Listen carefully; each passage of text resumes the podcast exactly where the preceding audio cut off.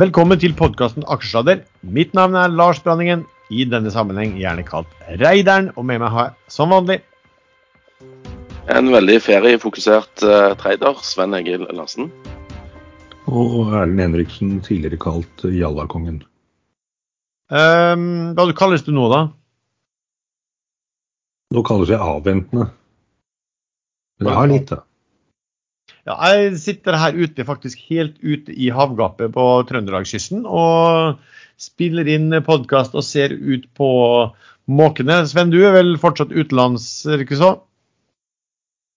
Jo, jeg eh, sitter på min spanske terrasse og hører på arbeidsfolk i nabobygget som fortsatt holder på å hamre og stå i, og begynner tidlig på morgenen. Heldigvis er det snart helg, og de jobber kun på lørdagen. Så eh, det er rolig på søndag.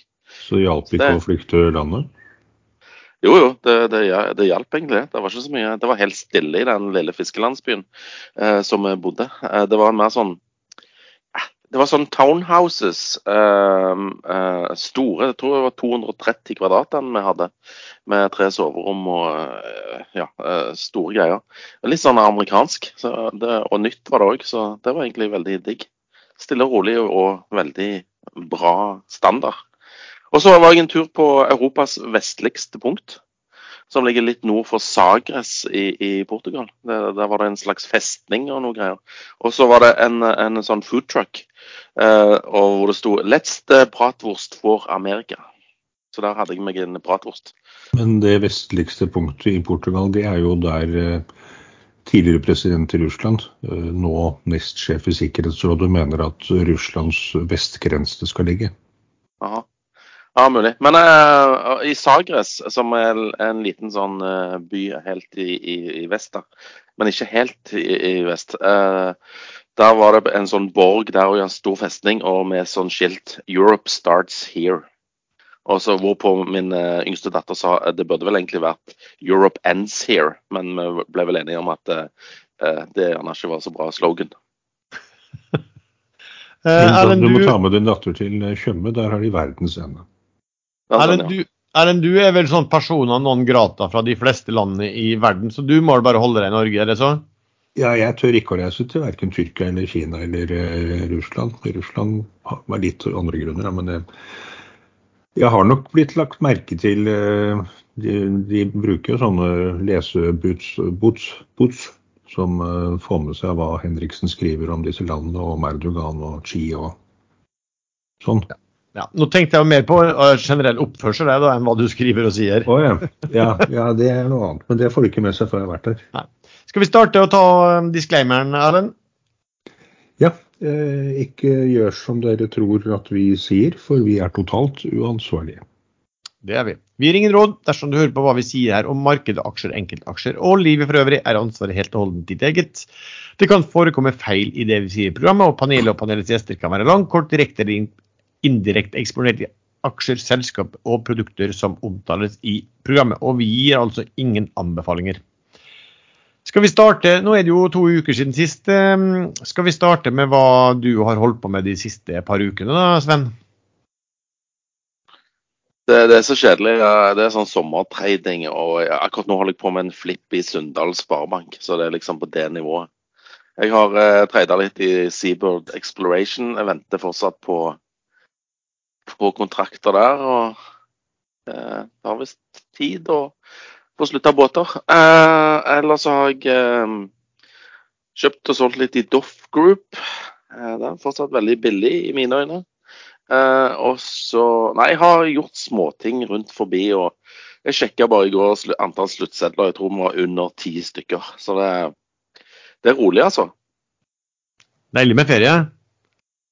Ja, eh, egentlig. Men eh, det er litt kjedelig òg. Nå, nå, er resten av familien oppe på kjøpesenteret her oppe i Marbella. Men så sitter jeg her på terrassen, og varmt er det òg. Og ja. Jeg har ikke lyst til å sitte og snakke med dere, egentlig.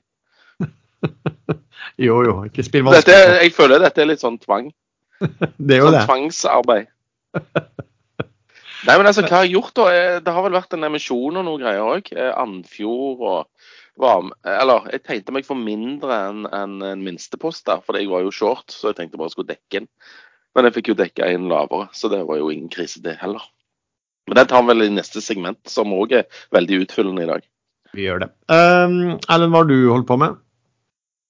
Nei, Jeg sjekket akkurat. Jeg har én trade siste uke, og det var, eh, det var noe kjøp i Petronor.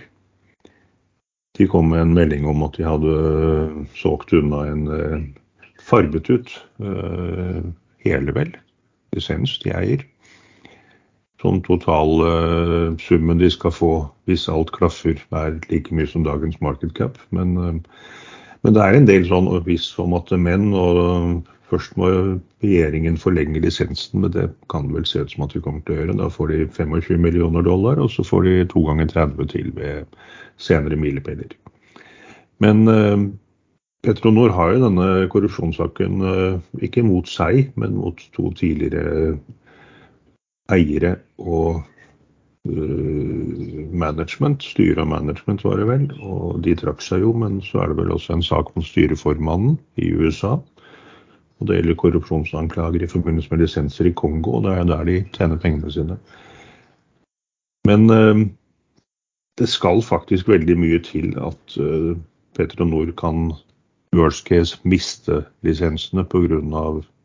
hvis noen konkluderer med at de er eh, sikret seg pga. korrupsjon. Vi snakker om ikke DRC, men det andre Kongo. Og der er det én familie som har styrt i noen tiår, er det vel. Og det er ikke mye som tyder på at de ikke kommer til å fortsette med det. Så sånne ting renner gjerne ut i sanden. Eh, og så skjer det ingenting. Kanskje selskapet får en bot. Men foreløpig er ikke selskapet på tiltalebenken. Ja, men den dealen du gjorde på sånn Farmdal, altså det var vel nesten alle de, mesteparten av de pengene som sto i headline-beløpet, er vel hvis de selger av en leteblokk, og hvis det blir gjort større funn på den leteblokken, og hvis det blir gjort en utbygging. Ja, Det er de to siste beløpene på 30 millioner dollar hver. Og det første på 25 det får de heller ikke før eh, myndighetene i løpet av høsten har forlenget lisensen. Så worst case så blir det null. Men uh, jeg har ikke sett noe som tyder på at myndighetene ikke skulle forlenge den lisensen. Og da får de jo 25 millioner dollar. Men de selger til største eieren sin, gjør de ikke det? Jo, det er det de gjør. Uh, armlengdes avstand påstår de jo, uh, men med historikken til Petronor så vet man jo aldri hva som egentlig ligger bak dette. her. Men de solgte olje her i går, var det vel meldt til det. Uh, solgte 270 000 fat og fikk inn over 200 millioner kroner på konto. Og det, det, er jo ikke så gærent det når market cap er på rundt 900, tror jeg. Så i år, bare i år, har de solgt like mye som nesten hele market capen. Man skulle jo tro at hvis alt var greit og det ikke var noe fare på ferde, så skulle man jo absolutt tro at man så innsidekjøp, men det har man jo ikke gjort. Nei, det er liksom hele Alt ligger litt på vent med det selskapet, og derfor er markedet også avventende. Så kursen stakk litt opp da den meldingen om salg av utforming av lisens kom, men øh, gikk litt ned. Men den ligger en del høyere nå enn den lå før det. Men sånn i forhold til gammel kurs, så ligger kursen nå på 0,79. Og det har jo pleid å være en sånn grei inngang som en trade for å komme over én krone igjen, dvs. Si over ti kroner igjen. Så få se. Okay, Lars er eh, så fornøyd med at du Lars er så fornøyd med at du endelig har kjøpt en eh, norsk aksje igjen. Da han bruker halve, halve, halve, sendingen på å snakke om den. Og så oljeaksjer av alt, jeg som er så negativ til eh, oljeprisutviklingen. Sånn er det. Uh, ja, For min del, hva jeg har gjort? Jeg har uh, solgt meg ut av uh, Kester. For den snakka jo om at man håpet at de i forbindelse med et sånt rettsmøte skulle legge fram noe, eh, noe krav. Eh, det gjorde du ikke. og Så kom det også antydninger på mail fra disse eh, CFO-ene til noen aksjonærer om at det kunne ta en tid. Så da lempa jeg ut det med et tap. Og så kjøpte jeg en del av disse Vi snakker jo om gebisset. altså Bergen Bio Warrants kjøpte jeg en del i starten av når den ble når den kom på børs. Eh, hadde jo noen fra før litt mer enn doble antallet jeg hadde der. Og så har jeg solgt det en del ned igjen også, for den gikk jo ganske fint opp fra ja, fem-seks øre opp imot Det var jo oppe på elleve øre og ti øre, og er vel litt rundt, ja, rundt ni øre i dag. Um, jeg, tror kanskje du må, jeg tror kanskje du må sjekke ja. desimalen. Ja, det er sant. En 0,00909 Det er riktig, det er, det er helt feil. Det er helt feil tall. Eh, Det blir så mange nuller at man sliter med det, så man gleder seg til at de skal eh, Ja, hvor mye kjente du? Kjente du mer enn null? Nei, per, per, per stykk. Nei, altså den der Bergen, eh, Bergen Bio, eh, den eh, vanlige aksjen, den har jo falt fra 10 øre i emisjon til og nå ligger den på eh, 0, altså nå ligger den på 7,8 øre ca. Og, og tegningsretten er vel på en tiendedel av det igjen også, så blir det, det blir veldig mange nuller her da, å holde, allerede på. Uh, og nå er man jo da, de som har tegnet og sittet på, er jo da langt under nå um, den emisjonskursen. Hvis du legger sammen da rettene og, og vanlige aksjer nå, så er det vel på ned 15% i forhold til, hva, eh, i forhold til emisjonen. Eh, ellers går jeg til deg, eh, Sven. Eh, dekket meg inn da i Andfjord når det endelig kom en emisjon. Jeg har gjort som vanlig kjøpt Plukka fortsatt litt Standard Drilling og Saga pga. cashballing deres. Økt litt i Nekkar på noen store avtaler de har fått. Så har jeg endelig kommet og fått kjøpt meg inn igjen i Hafnia, som har vært ute. Den har jo vært en eh, veldig bra og ligger vel noen prosenter opp der eh, i forhold til eh, inngangen. Burde kanskje vært litt mer økt litt i frontline. Og så litt morsomt da, at eh, jeg har jo gjort det, tøysa litt med deg og erta litt deg, Sven, i forhold til eh, at du brukte alle pengene dine og, og på Doff. Doff Group, og, og der endte jeg med plutselig med å kjøpe eh, ganske mye selv der. Eh, og så har jeg kjøpt eh, noe Norske Skog. Ligger vel en prosent i minus der. Sånn, sånn generelt sett så bruker Norske Skog å gå dårligere for meg, så det er kanskje et godt, eh, et godt, et godt salgsargument for folk. Og så har jeg redusert litt. Grann. Jeg har kanskje solgt 20% av porteføljen min det jeg hadde i Deep Value Drilling. Den, den vippa jo på 22 i går, da. Så ja, da var det greit å ta litt fra bordet der. Men ellers ganske stille og rolig, altså. Eh, Er det et dårlig vær der du er, Lars, eh, siden du er så veldig aktiv i markedet?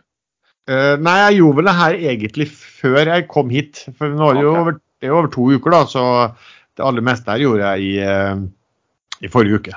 Eller alt av de som var altså Norske Skog, uh, Doff og, og Hafnia, det gjorde jeg forrige uke. muligheten. Men er, er du der oppe i Frøya-området? Ja, ja. Jeg er ute, det heter Titran, heter det. Det er et helt ytterst på spissen av, eh, av Frøya. OK, så det det er mulighet for at du treffer på han eh, Gåsø i området? Ja, Gå- Gåsø og er jo, han er jo fra Frøya, og han som er litt nærmere her, er jo eh, Gustav Witzøe, da. Jo, jo, men han har vi ikke noe uoppgjort med. Det er helst han Gåsø jeg tenkte på. Eh, Gåsø du sa var så snill en periode? Ja, jeg snur kappa etter vinden. Altså, men eh, hvis, du, hvis du treffer han på butikken eller noe, bare liksom eh, se stygt på han og hils fra meg. ja, det, eh, det skal jeg gjøre. Eh, nå snakka jeg vel om at det syns det var fortjent at det kom grunnrentebeskatning på oppdrett også, så, så sånn sett så er det kanskje litt lurt å ligge litt lavt i forhold til noen annenhver her. Men, eh, Men eh, da du mobbet Sven for denne Var det Doff G sist? Hva, hva, hva, hva- Sven kom med en kommentar da, den har jeg glemt. Hva var den igjen, Sven? Du har glemt den selv? ble, ble, ble, ble, ble, ble. Var det den han sa? Ja, det, det, var noe jeg, jeg følte meg utnytta kommersielt, eh, Lars, når du legger ut sånn eh, snutt av eh, Ja. Nei, det Det var, Det var, vel, det var en veldig bra snutt, da. Ja, Syns du? Ja, fikk, vi fikk, det, var, det var en eh, meget bra markedsføring, markedsføring for denne episoden. Nei, bare hyggelig å bidra til at du blir rikere. Alltid greit. Um, skal vi ta og snakke litt om som bruker å gjøre da, om eh, emisjoner og om det har vært noe nedsalg og eh, om det er noe i Kjømda også, eh, Sven? Nei, vi må, vi, ja, vi må først ta den Andfjord, for den Der har vi jo liksom ikke vært så lure. Liksom har sett med, sagt vi var short og ble delvis tilbakekalt. Og, for det er jo en relativt uh, illikvid uh, aksje, dette her. Men vi visste jo de trengte penger. og de måtte jo ikke gi så veldig mye rabatt som de siste emisjonene, for de har tydeligvis pengesterke eh, eiere bak. eh, Og de tok en, en god del av emisjonen. Den ble ikke helt fulltegna. Men jeg tegna meg for 9000 aksjer. Jeg, var, jeg tror jeg var short 8600 eller et eller annet sånt. Men jeg tegna 9000 aksjer, som da var under minste eh, tegningen. Uh, og en kollega, uh, som ikke er deg, Lars, han òg var short den aksjen. Han tegna, tror jeg, 5000 eller noe rundt i den biten der. Han fikk aksjer i emisjonen, mens jeg som tegna 9000 aksjer, jeg fikk null. Så tror du det var tilfeldig? Nei, altså, Vi ble jo tilbake etter at vi vært ute med storkjeften vår på en fredag og, og kommet med podkasten i helgen, og så ble vi tilbakekalt på aksjer på, på, mandag. Og når du ikke får tegning Nei, det tror jeg er alt annet enn tilfeldig. Jeg tror det var noen som har vært sure både fra selskap og sikkert tilretteleggere på, på praten om emisjoner og at de kanskje hadde problemer. Jo, men er ikke det ganske smålig, da? Altså, Emisjonen er ikke full. Så hvis noen ber om en mindre, og jeg vet at det er andre som gjør det samme og får aksjer, mens jeg da ikke får aksjer, eh, det syns jeg jo bare er litt lol. Men det som var enda mer lol, var jo at du kunne dekke inn lavere enn emisjonskursen eh, dagen etterpå. Så back at you, liksom. Det er jo litt alvorlig sånn egentlig, hvis man ser litt strengt på det, at faktisk sitter noen og skalter og halter og bruke trynefaktor på hvem de gir aksjer til og ikke. Det skal jo være likebehandling. Ja, ja, ja. Men det er jo litt morsomt, da. Altså, eh, når, altså, tenk hvor store forhold liksom, kapitalmarkedet er i, i, Norge, da, når de kan holde på sånn. Det, altså, det er faen mm, mm, fis, fisedam. Skal vi si, hvis jeg skal si det sånn, så tror jeg det, det området innenfor kapitalmarkedet i, i Norge som har best grobunn for korrupsjon, jeg må jo være tildeling av populære emisjoner. Um, altså, for å si sånn, eh, jeg synes jo egentlig, For det første så burde jo eh, aldri tilretteleggerne få ha en saying. Det er jo selskapet som skal bestemme, ikke om hvem som er de beste kundene. Og, så, så, egentlig burde man vært sånn etter en emisjon så burde det vært satt ut Man kunne godt anonymisert navnet. Det burde vært påbudt å legge ut liste på alle tegningene. Eh, kalt gjerne folk for herr X og herr Y. Eh, men hvor mye man tegnet, og hvor mye man fikk tildelt. Og så kunne man jo da stilt spørsmål på hvorfor fikk sånne som du da i en sånn emisjon null, mens andre fikk.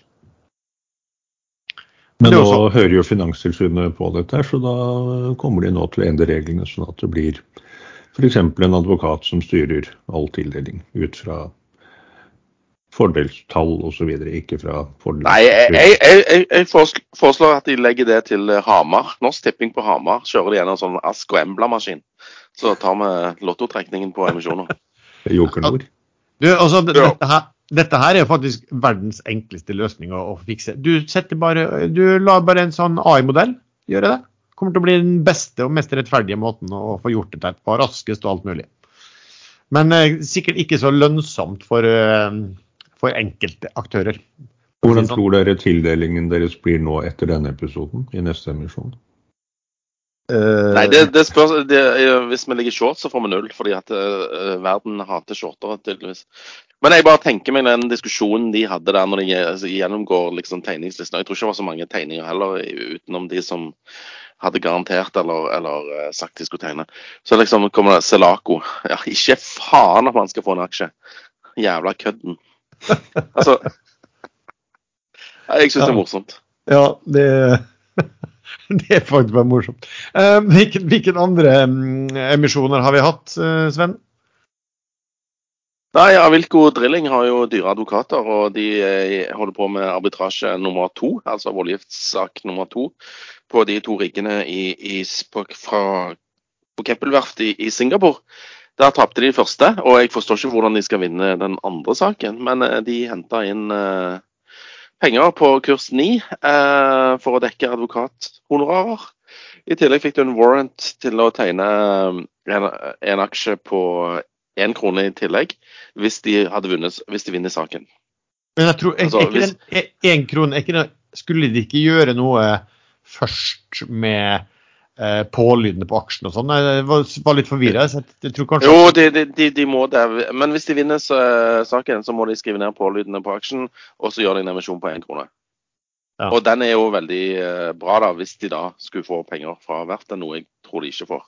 Jeg tror egentlig dette er penger ut vinduet, men jeg har tatt feil før. og Det kan jo være at denne saken skiller seg litt fra den første saken. Tydeligvis Grunnen til at uh, selskapet ikke selv går konkurs, er jo at det er datterselskapene som da liksom går konkurs uh, hvis, de, uh, hvis de taper saken. Ja. Man skulle jo nesten tro at den saken må være litt grann annerledes når de har tatt Det må jo det, for ellers så Hvorfor skal de kaste penger, eh, gode penger etter dårlige penger, liksom, hvis, de, hvis det er helt likt?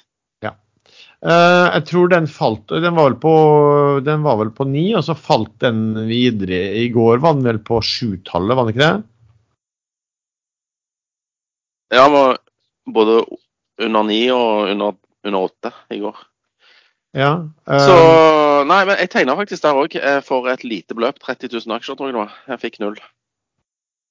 Du fikk null. Det var, men det kan jo være der, det som kan skje der, er kanskje litt sånn som i Bergen eh, Bio. Eh, sånn som vi gjorde også, på en måte. Det at man, man tegner seg, og så eh, får man warrant, og så, og så selger man og, og gjerne går i null hvis man klarer det på selve emisjonen, og så har man fått gratis warrants eh, igjen, da. Kan være en liten årsak til at du også ser at ja, du får et eh, fall der. Um, flere emisjoner? Nei Jo, Jeg tror det var en til, men jeg husker ikke hvilken. Det er en Men- på A. men- Ah, Andfjord, Avilko Drilling og en til.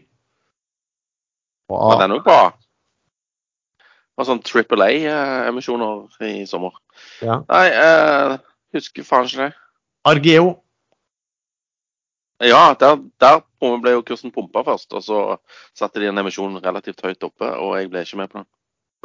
Den gikk vel, ja, for den snakka vi den snakket vi om faktisk i forrige, at den hadde gått fra 1-2-1-3 på, på noen havbunnsdiskusjoner fra regjeringen, og så gikk den vel opp i jeg vet ikke om den gikk opp i 4-5 eller den gikk jo himmelhøyt, og så falt den tilbake igjen, og falt ned på 3, og da satte de emisjonen på 2,75 hvis jeg husker riktig, altså 10% fra sist omsatte, da, men likevel 150% over hva den var for ikke mange dagene før.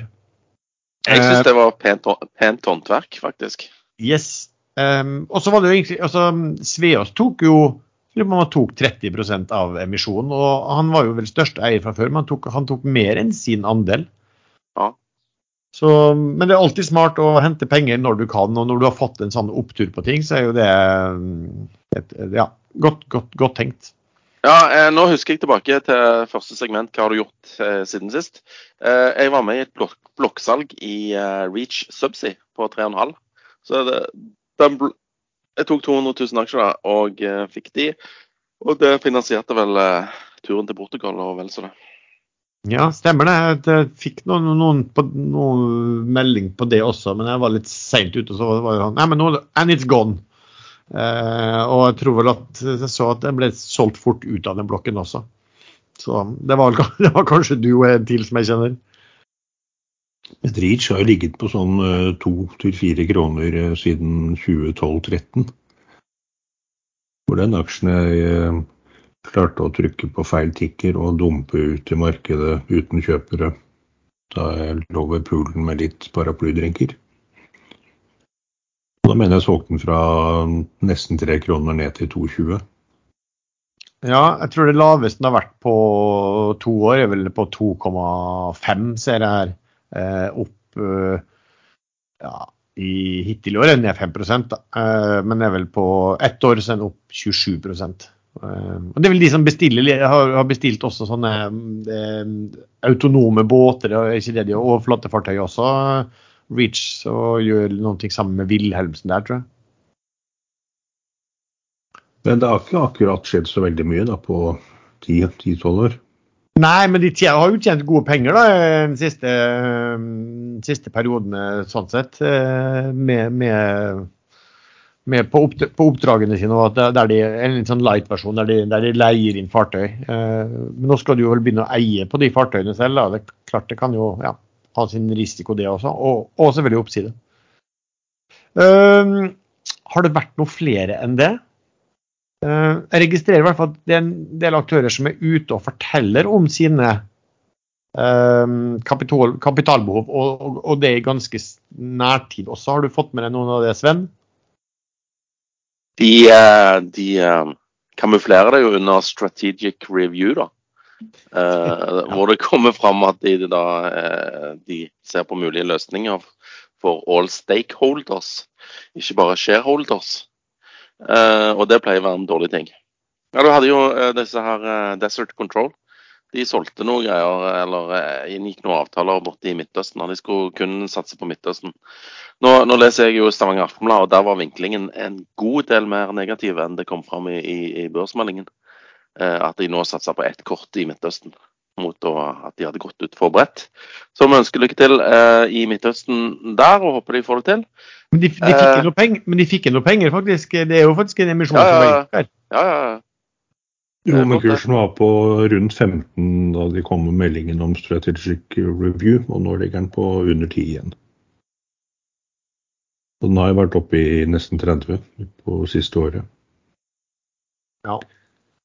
Ja, og så har du Hyon. Altså dette Union Hyon, en av de der eh, hydrogengreiene. Det, det er båter de driver på med, ikke? Til, til båt. Jo, og fylle stasjoner for ja. Fyllest, fyllestasjoner. Ja. Nei, eh, de òg trenger penger, eh, så de faller på børsen. Ellers, ja, den har vi glemt. Havila Kystruten. Der var det jo en emisjon, egentlig. Men så ombestemte de seg fordi at de fikk eh, redusert eh, renta si på, på den gjeldsbiten med noen prosentpoeng. Og, og da heller gikk for den. eh, men det betinger at de henter 85 millioner euro i egenkapital mot tidligere 65. Så eh, den emisjonen der som vi fikk tildeling på 125 000 aksjer, den, er vel da ikke gyldig lenger. Og vi venter på terms i en ny emisjon, det er så vidt jeg har forstått. Men hvordan vi. Vi fikk jo tegning og beskjed om at vi hadde fått i den tegningen. Altså, men det skulle jo godkjennes av generalforsamling først. da. Vil de gå først til de som var med på den, som har fått beskjed om at de fikk være med på den første emisjonen, eller er alt sletta og de skal begynne på nytt igjen? Eh, jeg ble oppringt av eh, megler i Arctic som spurte om jeg var interessert fortsatt, og jeg sa ja, men uh, spurte jeg om terms. Nei, det vil bli nye terms. Uh, men tydelig at de går til de som eh, var med i den første, da. Um, et par stykker til som har merket meg. altså Dette som heter Cirka, de har vel også vært ute og snakket om at de holder på og skal jobbe med å få en eh, finansiering eh, på gang. Det vil liksom bygge noen sånn fabrikk og som er deleid av Norske Skog. Men en som har da er, er åpenbart problemer, det er jo eh, Nordic Unmanned, som har vært en katastrofe vel på, på børsen. Eh, der kom vel de med en melding som sa at eh, de, de, de dro ned allerede guidingen sin for inntekter i eh, 2023, og så oppga de beløpet at de hadde altså virker som veldig lite penger tilgjengelig. Eh, i, i, altså Likviditeten var, var, var veldig 600 begrenset. 600 000, eh, 600 000 euro tror de oppga. Ja, det varer ikke lenge med det, de tapene mm, de har kvartal for kvartal. Ja, de, fikk de fikk ny sjef i dag. Eh, Ja. Tidligere sjef i, i Prosafe. ja, Så Det var jo et bra navn, da. Men de, men de må jo virkelig gjøre noe. Og de har jo mye gjeld også. Ikke priser så mye på børsen, men de har jo mye gjeld. Så her, her, her altså hvordan de skal komme ut av det der. De snakker vel om at det er interesse, altså de har strategiske områder og spennende produkt og teknologi. Eh, Det vet jeg ikke, men eh, eh, det det blir jo ikke lett hvis de må begynne å gå til vanlig, det vanlige kapitalmarkedet i hvert fall og, og hente penger. Men det ser man vel på på, um, på aksjekursen også. Skal se hvor mye den har falt da de siste Den er ned eh, ja, 73 er ned i år, og ned 20% siste uke. 33% siste måned. Så det har ikke vært noe, ikke vært noe, har ikke vært noe hurra der. Nei, altså, så kom jo bud på Nortel da, i går kveld. ja. Så det, Derfor er aksjen ned 6,4 ja, fordi at budet var lavere enn siste aksjekurs. Et par prosent Ja. lavere. Men nå har den vært veldig sterk da, siste månedene. Så. Ja. Og, og styret og stell eh, de anbefaler budet. Ja. De trenger, de trenger penger. De har et kapitalbehov, de òg. Og da løser de med å få en ny eier istedenfor. Ja, for De hadde jo meldt om en strategi review, men det var vel basert på at de indikerte at de hadde fått eh, henvendelse fra aktør som ville kjøpe de opp. da. Det er jo en annen type strategisk review enn den vi ellers bruker å se der, eh, som, som kommer fordi at selskapene åpenbart er i um, problemer. Vi er jo ferdig da med mm, første halvår. Var vi for en ukes tid siden. Oslo Børs klarte å karre seg til å komme seg opp et par prosent før nyttår, eh, nei, før nyttår, før halvåret, eh, som de nå har mistet eh, på noen dager i det siste. USA har jo vært råsterk, og også Dax har vært sterk. Har vært sterk veldig mange steder utenom Norge. Hva, hvis du skulle oppsummere første halvår, Erlend, og hva du tror om andre halvår, hva vil du si da? Da mener jeg at den resesjonen som jeg ser komme, øh, rykker nærmere. Øh, den er litt utsatt. Jeg klarer ikke helt å se hvordan man skal klare å unngå det. Det går, øh, det går ikke så bra. USA er litt annerledes. Der, der vet jeg faktisk ikke. Det kan godt være at de klarer å unngå det. Men Kina klarer ikke. De sliter veldig. Nei, få se. Det er, men det er aksjemarkedet er eh, litt sånn frikoblet eh, alt annet også. Når store selskap sier opp en haug med folk fordi markedet begynner å gå tregt, så går plutselig kursen opp fordi kostnadene blir lavere. Arjen, hva, nei, Sven, hva tenker du om året hittil og andre halvåret? Nei, det har vært litt sånn usikkert. Uh, og, og, jeg er litt enig med Erlend det, det, må jo komme økonomiske nedgangstider med den rentehevingen som har skjedd. Og så, Det er derfor jeg er litt sånn usikker. fordi at Skjer det, så faller jo oljeprisen. Og Saudi-Arabia har eh, signalisert at de fortsetter med kutt, og Russland har hevet seg på.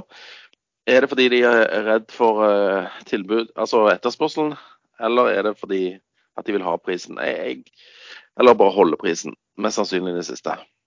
Så jeg eh, jeg syns det er veldig vanskelig nå. Det er derfor jeg ikke er sånn superbull. Uh, og jeg er ikke superbear heller.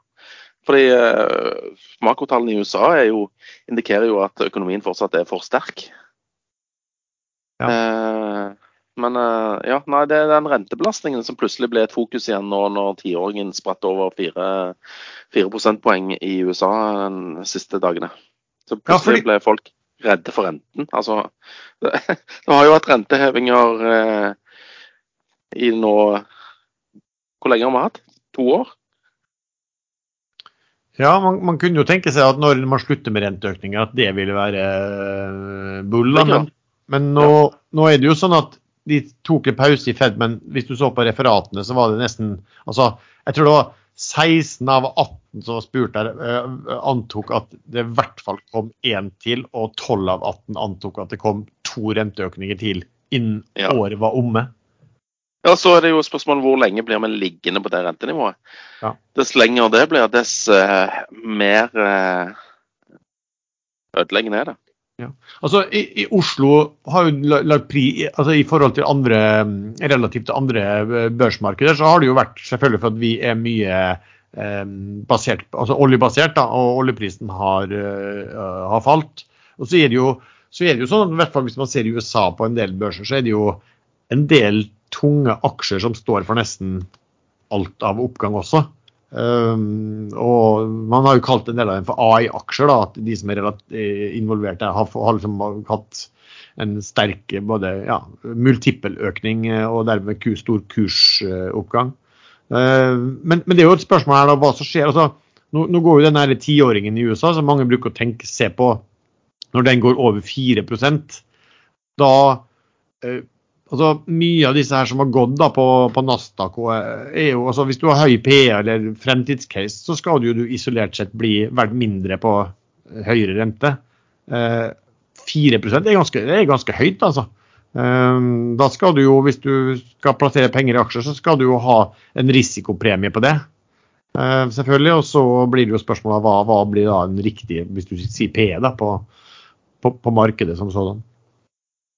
Så, Nei, så, har du, så, har du, den toåringen eh, og tiåringen. Den er jo, de er jo, rentekurvene der er jo invertert og har vært det lenge. Men det er jo sånn, spredden der er jo rekordhøy, over ett prosentpoeng. Det er jo ikke noe godt tegn. Uh, men, men, en ting som, som, betyr veldig mye, da, er jo selvfølgelig oljeprisen. Og vi har jo snakket litt om her om at uh, mange tror på en supersyklus for olje og, og oljerelatert oljeservice.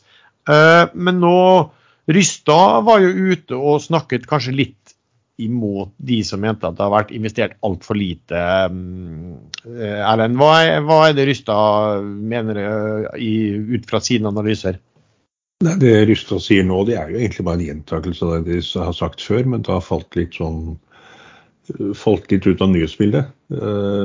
Det de sier er at dagens rigger er veldig mye mer effektive enn de gamle riggene. Så de, om de borer raskere eller hvordan det er, borer bedre, eller det, vet jeg ikke helt. Men i hvert fall så kan de oppnå det samme med færre rigger.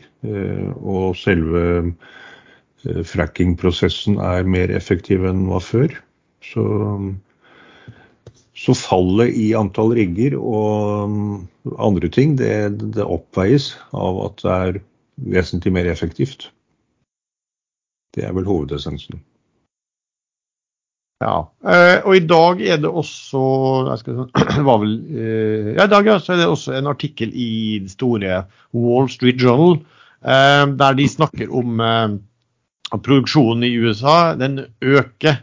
Eh, crude output eh, gjennom fra april opp 9% i forhold til et år siden. og eh, man, Det har jo overrasket ganske mange. og der, der, der, er jo litt av historien det at det er faktisk sterk produksjon fra de amerikanske produsentene. Og fordi at de også blir mye mer effektive. da. Så kostnadene er egentlig da ned. fordi at de de skriver bl.a. her at de har eh, blitt flinkere til å presse ned med vann og sand eh, nede i disse shale-feltene. Og da får de opp mer, eh, mer olje og blir mer effektiv. Så, og, og, jeg ser liksom at eh, de skriver også at disse brønnene de borer er da eh, betyr lengre enn eh, hva de har gjort før. Så, så, det skjer fortsatt teknologiutvikling her da, som gjør at de klarer å få ut ja, mer olje med, med, mindre ressurser. Da. Det har vi sett i Nordsjøen nå. Det er vel så var det snakk om at noen skal prøve seg på ekofisk igjen, fordi dagens teknologi er bedre enn det var før. Husker ikke farten. Men uansett, i USA så har man jo lenge snakket om før eller siden så vil jo det bli peak production og Permian og, og hva heter disse andre store feltene, eh, Bakken osv. Eagle, Eagle Ford og Bakken, ja. At de når eh, toppen. Eh, og en av, Et av argumentene har jeg sett gjentatt gang på gang. At, at man har allerede boret opp sweet spots. Sweet spot er der hvor det er lett å komme til, og man får opp mye olje raskere enn enn de dårligere stedene.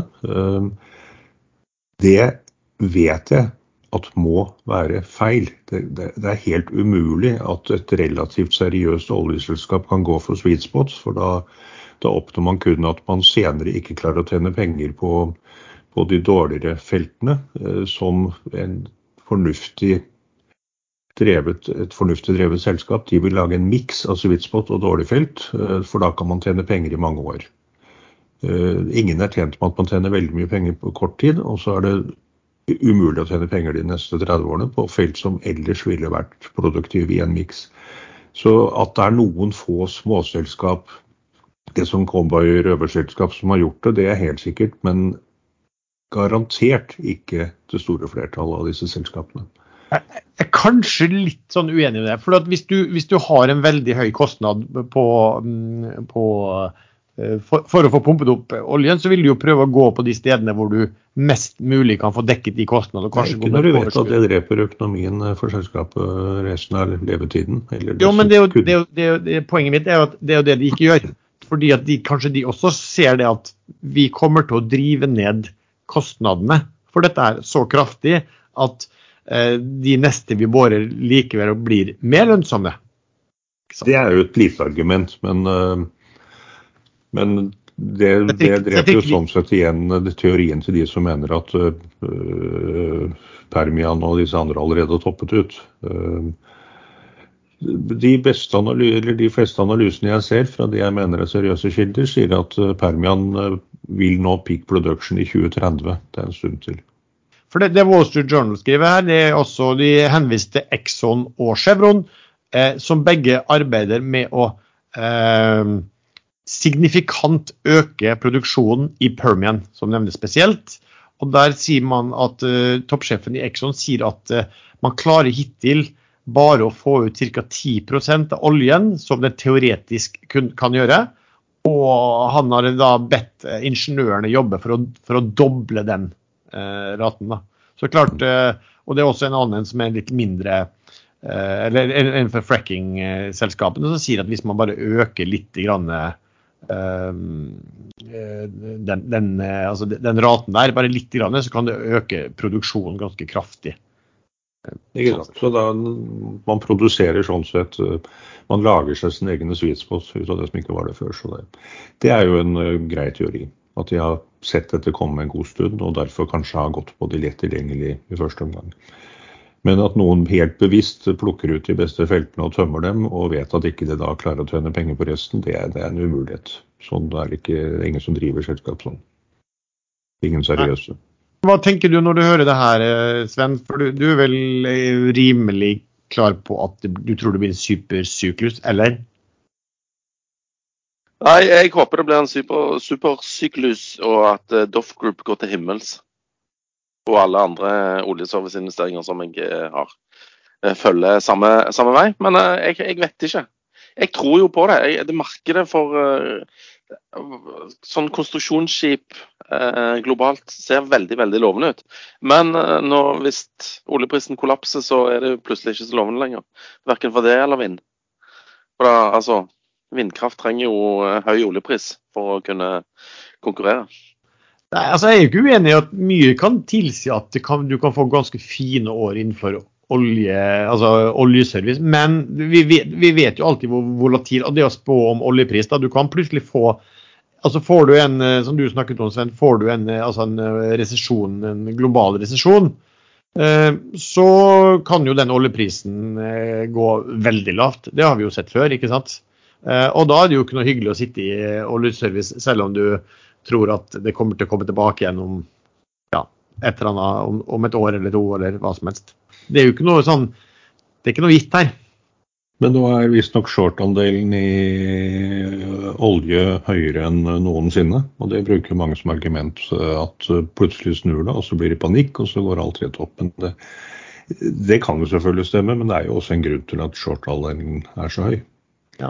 Det, er vel, det er vel gode Er det ikke gode hva skal vi si, man kaller det konsumenttall, men altså, de importerer vel mye både India og Kina, som liksom man sier oppmuntrer, selv om kanskje kinesisk økonomi er svakere enn man ville trodd etter gjenåpning. Men det er alltid sånne spørsmål som, siden man kanskje kjøper en del russisk olje billig, så jeg vet ikke i hvilken grad man klarer å skille på hva som, er, hva som kjøpes inn, importeres til å bli konsumert, og kontra hva som brukes til lagerbygging. Jeg vil jo tippe at hvis de kan kjøpe liksom, eh, russisk olje på 60 når, når, prisen var 100, så må det jo være fristende til å kjøpe mye for å bygge lager også.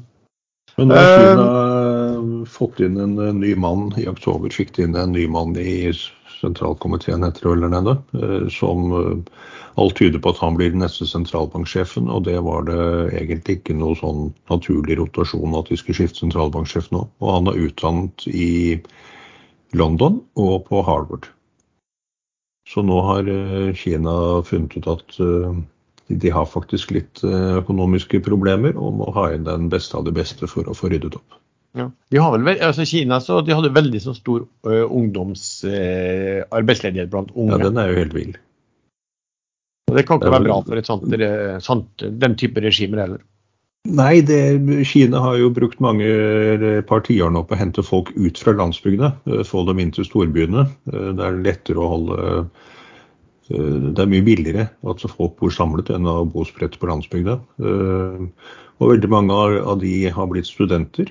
Og nå har Kina oppfordret avgangskullene nå. Det er jo rundt 20 millioner studenter som går ut nå denne gangen, og det mangler jobber. Det så de har oppfordret eh, så mange av disse studentene som eh, vil, og noen vil sannsynligvis etter hvert måtte, flytte tilbake til landsbygda og bli der noen år for å bli bønder.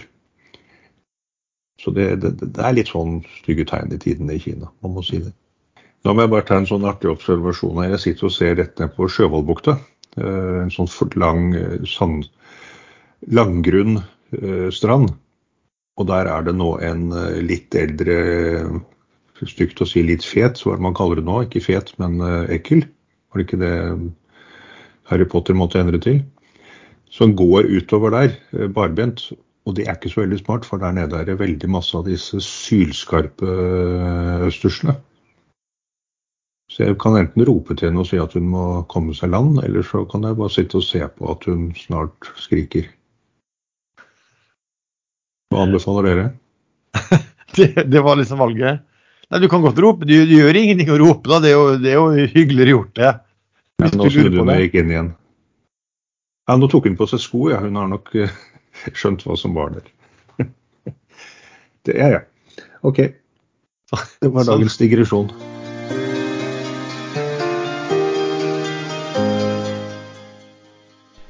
Vi snakker jo en del om ekstrainvestor i disse sendingene, og tenkte jeg skulle bare fortelle hva ekstrainvestor består av. Det består av denne podkasten, Aksjesladder. Det består også av nyhetsbrevet Børsekstra, som daglig sendes ut til 17 000 investorer. Veldig høy åpningsfrekvens, og der vi også har en betalløsning hvor man får litt mer informasjon, samt at man mottar den da før børsåpning. Så har vi også chatten vår, Ekstrainvestor chat. Ekstremt stor eh, aktivitet. Eh, På det meste har vi hatt en kommentar hvert eh, ca. 20. sekund gjennom et helt døgn. Vi har også eh, flere populære Facebook-grupper, og så produserer vi sendinger for børsnoterte selskap, eller vi markedsfører og distribuerer events slash sendinger, f.eks. kvartalssendinger, for børsnoterte selskap. Hvis du vil eh, lære mer om hva ekstrainvestorer holder på med, og hva vi har gjort oppdrag for, så kan du gå inn på ekstrainvestor.com.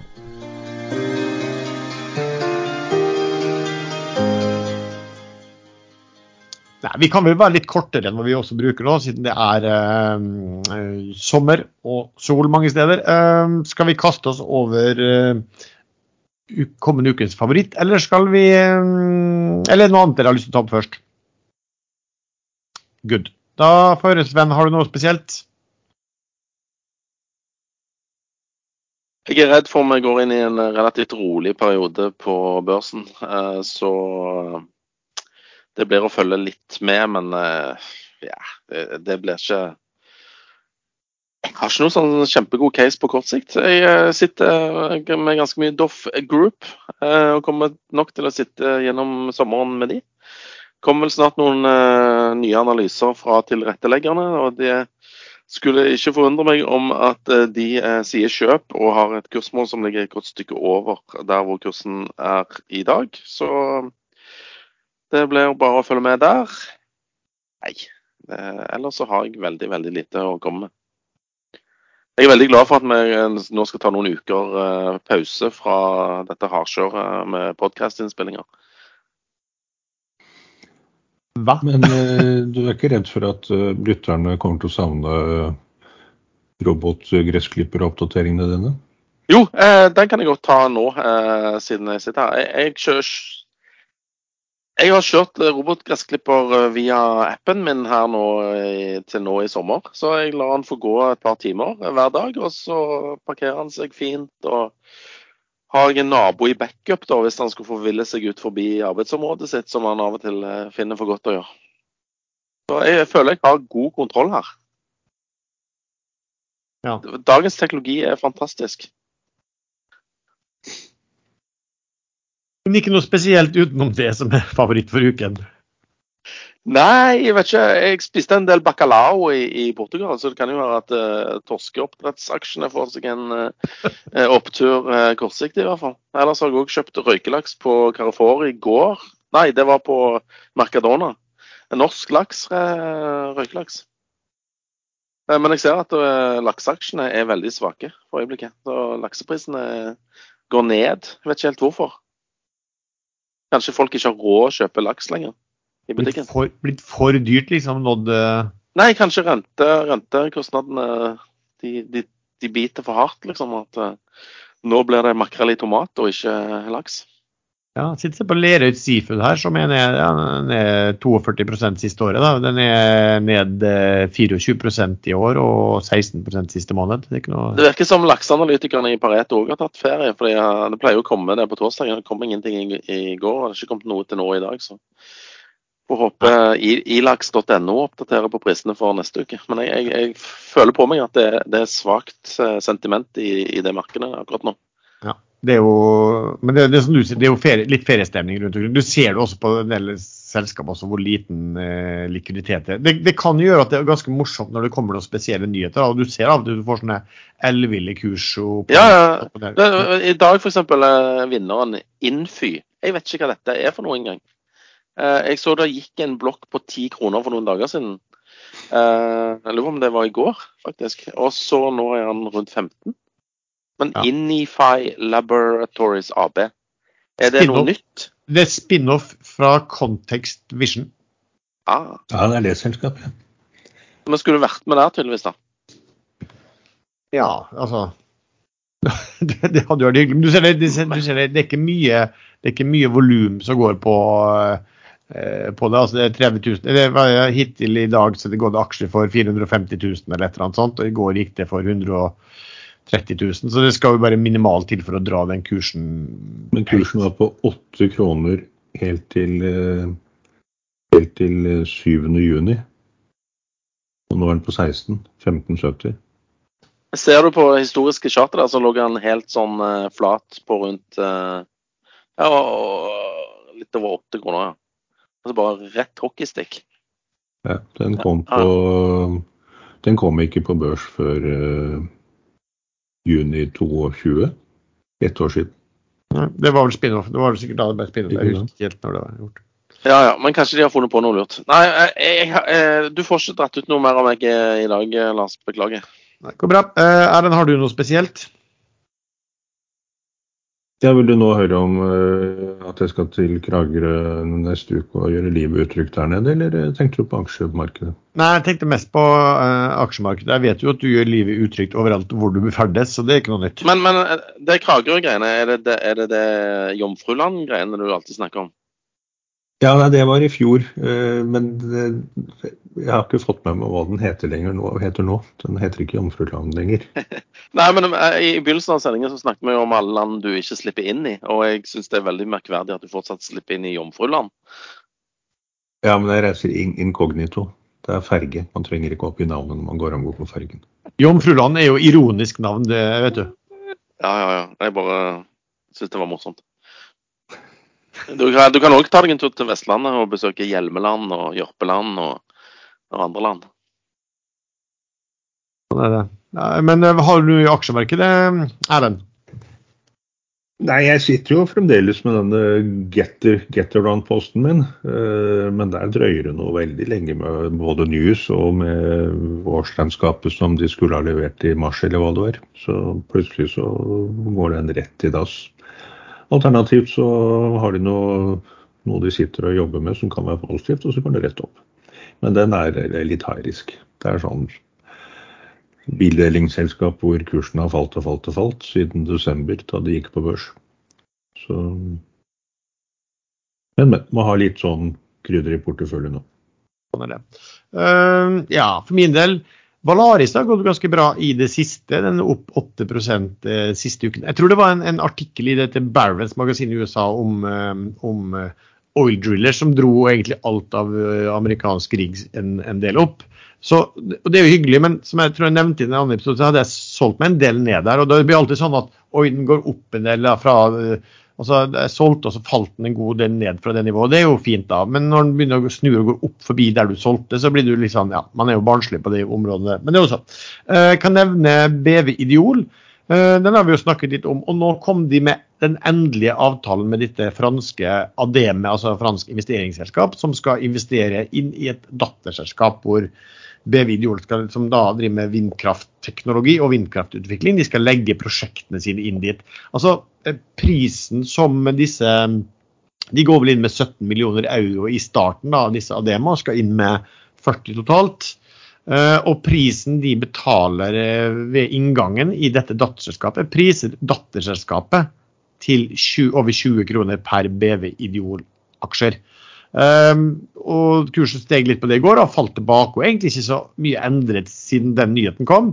Nå vet jeg en del, Noen i selskapet har sagt liksom at ja, men også hvis vi får den avtalen, da, det, det, det, burde jo da være gull, for da har vi det, og så har vi teknologibiten vår og alt mulig annet i, i selskapet. Uh, det er ikke noe sånn at markedet tror på det. så blir Det jo interessant. Altså, det er veldig lett å si det der for folk som er involvert i selskapet. og det er bare one proof uh, of the pudding. Uh, da må man jo bare kjøpe aksjer hvis man synes at aksjekursen er langt uh, under gulvet. Men det har ikke skjedd så mye. Den, den gikk jo mye i, i, forkant når det ble meldt at de holdt på med disse forhandlingene og egentlig var kommet ganske langt i de. Så kan jeg bare nevne, da, um, som Sven sikkert vil, at hvorfor jeg kjøpte Doff Group plutselig. Og det var fordi at når dette, dette, dette initielle budet da fra Subsea 7, det var basert på eh, at de 35 kroner Men det var, det var bare 7 kroner i aksje, så var det 28 kroner tilsvarende i aksjekurs. Og antall aksjer de skulle få da, var jo bestemt. altså Det var jo basert på at kursen da var i 114,75. Men i, nå er jo kursen nesten 17% høyere på Subsea-aksjene. For å si sånn, Hadde man akseptert det budet, så hadde jo da eh, Eller den, altså verdien av det budet er jo i dag nesten 40 kroner. Du så tidligere at det var økt fra reelt 35 til 39,6.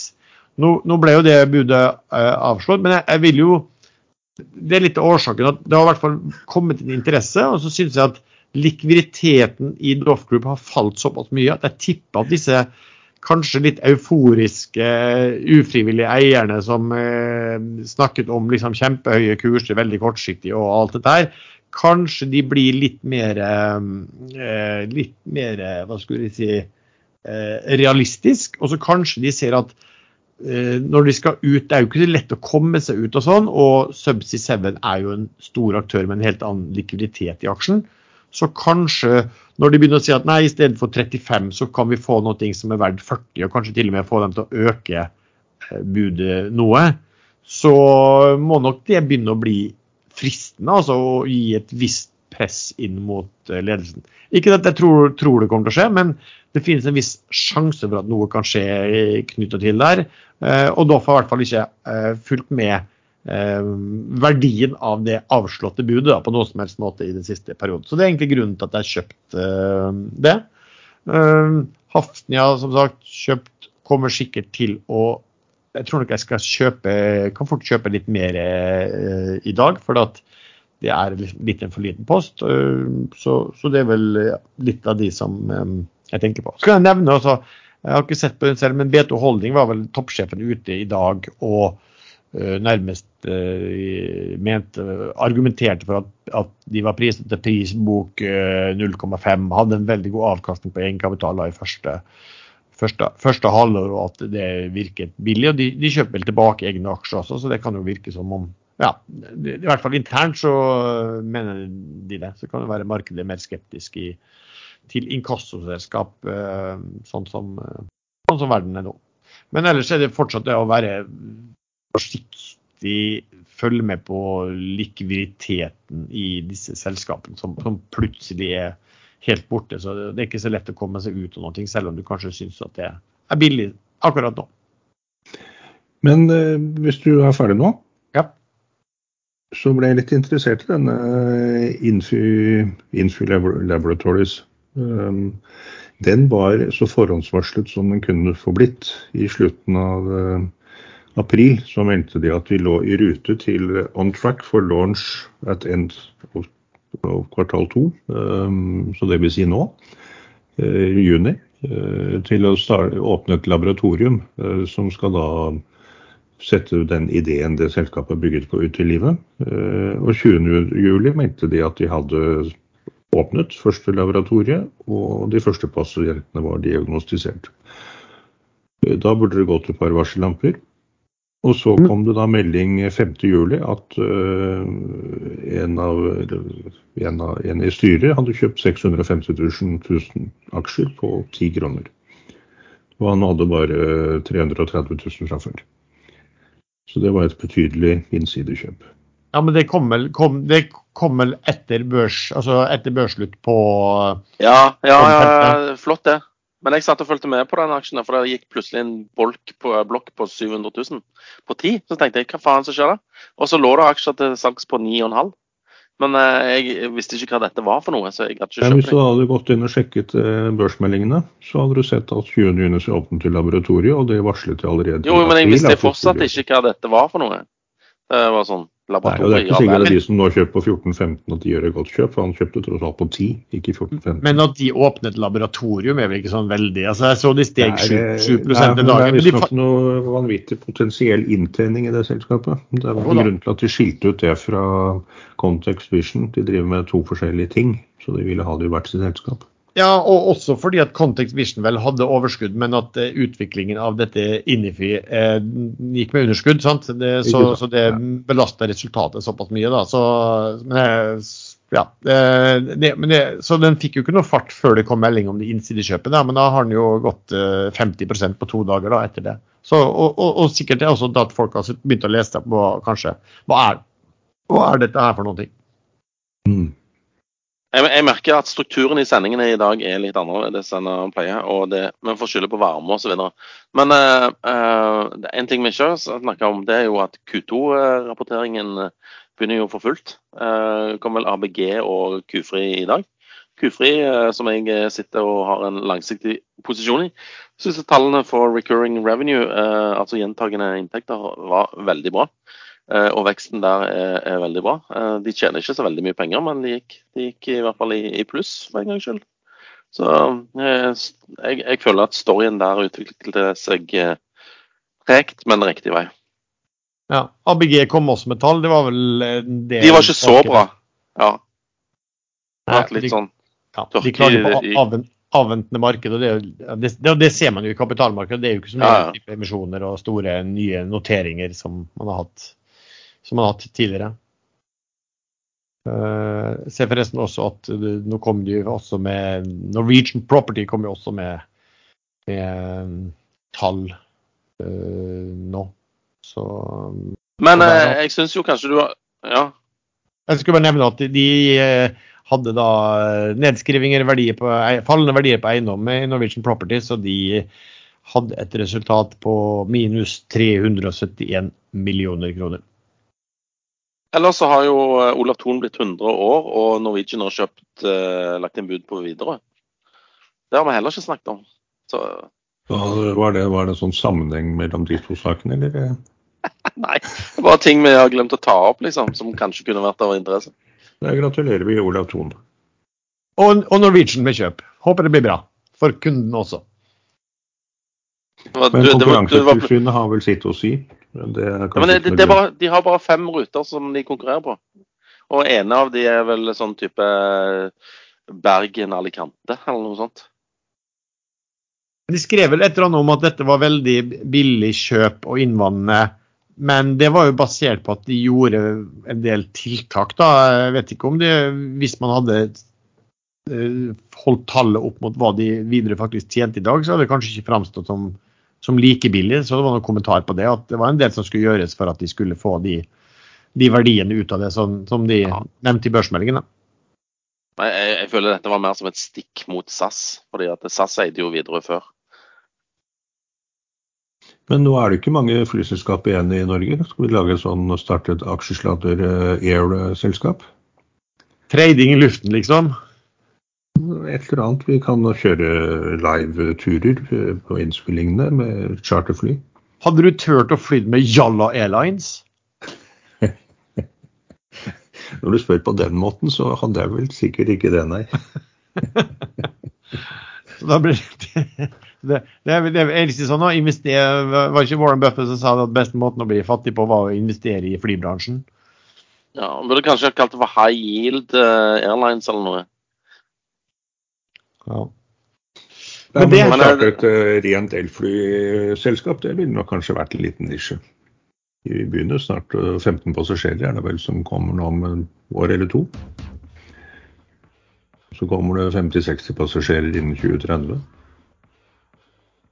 med de flyspekulasjonene så tror jeg faktisk vi avslutter dagens episode. Eh, takk så mye til deg som har lyttet til denne episoden. Du treffer stadig oss tre chattene inne på mm, Ekstrainvestor.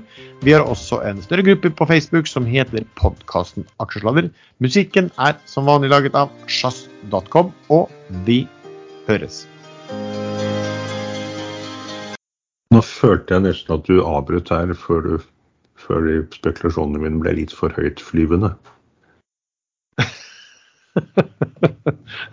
ja, jeg føler sånn hu humormessig så var dette en, eh, en, Det var ikke en høydere, men det motsatte. Vi var, vi var for slitne til å Ja. Høydere. Til å orke, til å, orke å være morsomme. Ja, var, vi var kanskje Jeg får klippe bort sånn ca. 80% av det, så blir det sikkert bra. Det blir sånn ti minutter senere. Uh.